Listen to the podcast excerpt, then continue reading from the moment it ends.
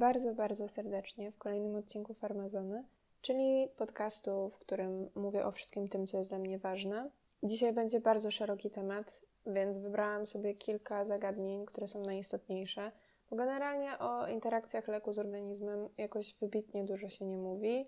To znaczy, wydaje się, że to tylko wtedy, jak się choruje, nie wiem, na padaczkę, trzeba uważać na to, co się przyjmuje, albo na jakąkolwiek inną taką, w cudzysłowie, bardziej poważną chorobę. I jeżeli jakby nie mamy takiej jednostki, to wtedy olewamy to i nie zastanawiamy się, czy możemy zjeść grejpfruta, czy nie. A tymczasem okazuje się, że w zasadzie do praktycznie przy jakimkolwiek przyjmowaniu leku mogą wystąpić różnorakie interakcje z pożywieniem. I ja jestem po lekturze świetnej książki i od razu zaznaczam, że na podstawie tej książki będzie dzisiejsza rozmowa z samą sobą.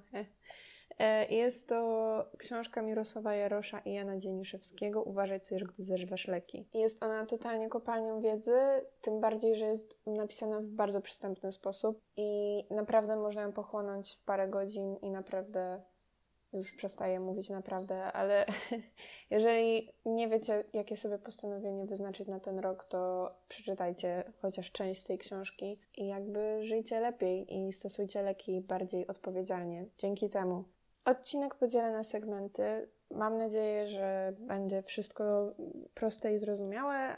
Najpierw zaczniemy od tego, jakie czynniki żywieniowe w ogóle mogą mieć wpływ. Pusty żołądek. Wiemy, że jeżeli mamy pusty żołądek, no to nic nie zatrzymuje takiego leku w nim, w związku z czym wchłanianie będzie szybsze, bo też proces trawienia takiego leku będzie szybszy. Oczywiście tyczy się to typowo leków podawanych doustnie, ponieważ jeżeli na przykład mamy leki podawane ogólnoustrojowo, e, dożylnie na przykład, mamy i tak stuprocentowe wchłanianie. Przy na przykład znieczuleniach i narkozach ten pusty żołądek jest ważny o tyle, że nie spowalnia po prostu procesów metabolicznych. Później mamy posiłki bogato tłuszczowe. No i tutaj bardzo prosta interakcja, ponieważ wchłaniają się po prostu leki rozpuszczalne w tłuszczach szybciej. I to są na przykład leki przeciwdepresyjne, preparaty teofiliny, czyli w przypadku astmy, czy leki przeciwgrzybicze. I to były w zasadzie wszystkie te czynniki, które zwiększają wchłanianie danych leków. Później mamy czynniki, które zmniejszają wchłanianie. I to na przykład jest mleko albo przetwory ze względu na obecność wapnia, ponieważ i tutaj zwłaszcza przy antybiotykach mamy zwiększone wiązanie takiego leku. Później mamy dietę bogato błonnikową. I tutaj też jest dość y, banalna korelacja, ponieważ nie tylko będą się adsorbowały niektóre leki, ale również przy jedzeniu tak, takiego bogato błonnikowego posiłku jesteśmy, y, że tak powiem, zapchani. I to chodzi o pęcznienie w żołądku, więc te leki też będą dłużej przebywały w żołądku. Później mamy herbatę, ze względu na obecność tanin, mamy wiązanie preparatów żelaza, więc automatycznie będzie zmniejszone wchłanianie.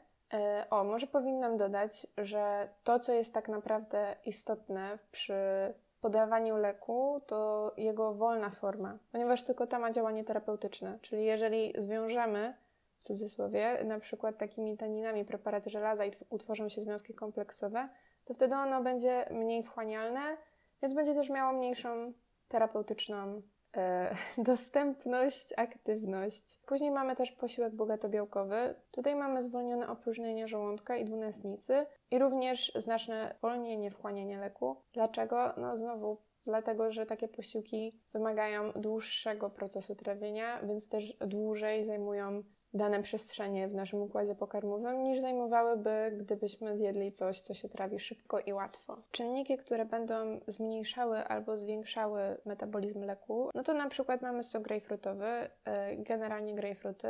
Polega to na tym, że obecne w soku grejpfrutowym flawonoidy i furanokumaryny będą blokowały układ enzymatyczny cytochromu P450. Cytochrom P450 to jest chyba najpopularniejszy cytochrom i słyszy się o nim najczęściej. Chodzi po prostu o to, że jeżeli będziemy blokować taki układ enzymatyczny, no to również y, nie dojdzie do metabolizmu i tutaj na przykład są to leki przeciwwrzodowe, czyli dość y, popularne schorzenie. Później mamy przeciwalergiczne, no i na przykład blokery kanału wapniowego. Później mamy czynniki, które przyspieszają metabolizm i tutaj mamy heterocykliczne aminy, które pochodzą ze smażonego albo zgrillowanego mięsa i one będą przyspieszały metabolizm niektórych leków w wątrobie, na przykład teofiliny, czyli tak jak już wspomniałam, leku na astmę.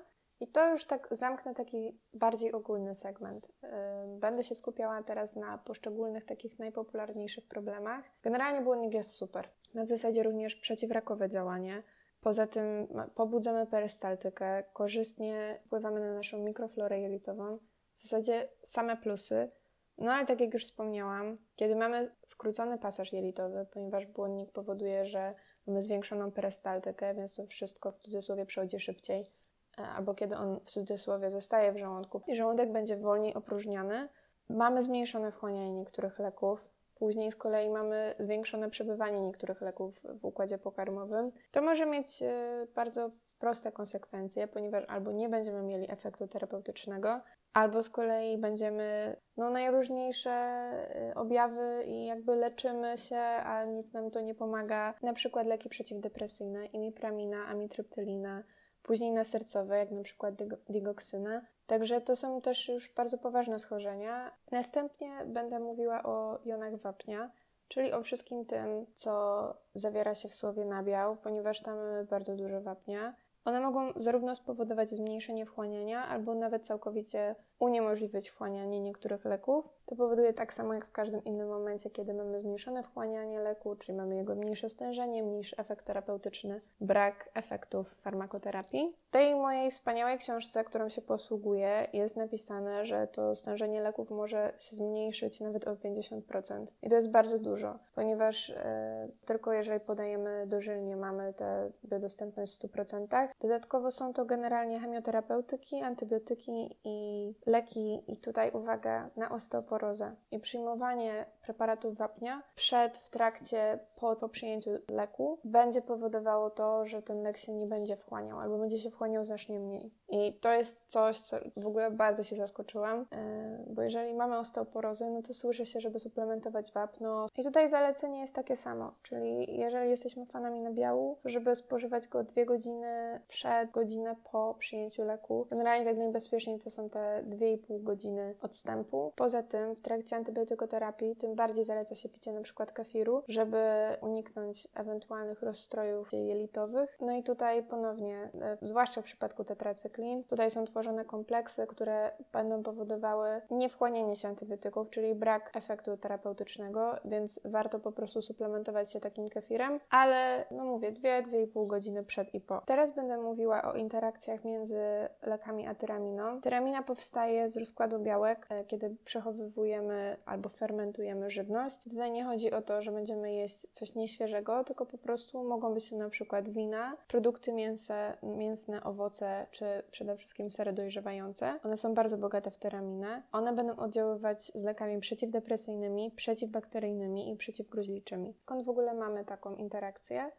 Jeżeli mamy leki, które są inhibitorami MAO, czyli e, monoaminowej oksydazy, ten enzym bezpośrednio uczestniczy w metabolizowaniu tyraminy, w związku z czym jeżeli zahamujemy działanie tego enzymu, to będziemy mieli zwiększoną ilość e, tyraminy w organizmie. I teraz to, co jest ważne, to to, że my tej tyraminy, tyraminy jeszcze dokładamy.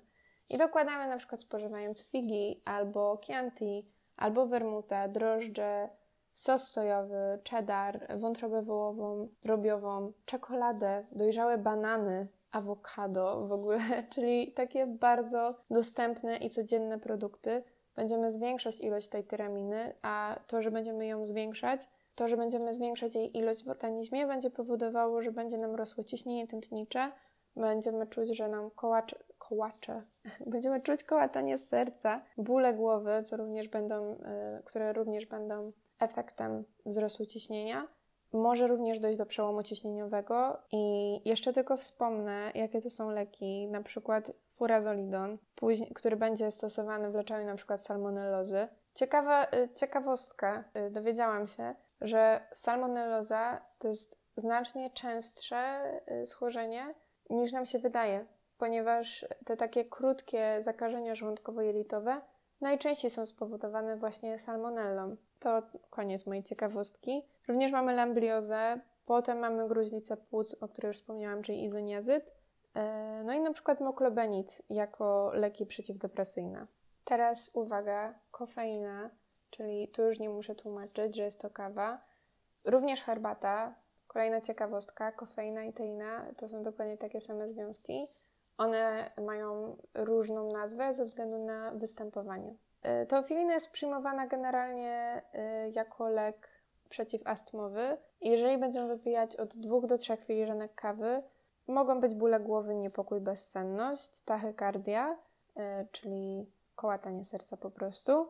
Natomiast tak bardziej codziennie i ogólnie będziemy mieli zwiększone działanie e, przeciwbólowe właśnie kwasu acetylosalicylowego. Ona też y, działa synergistycznie z paracetamolem pod względem przeciwbólowym. Także podsumowując, bardzo Wam dziękuję za wysłuchanie. Słyszymy się już niedługo i trzymajcie się. I nie pijcie soku grejpfrutowego. I popijajcie leki wodą. Znaczy pijcie sok grejpfrutowy, ale 4 godziny przed i 4 godziny po przyjęciu leku.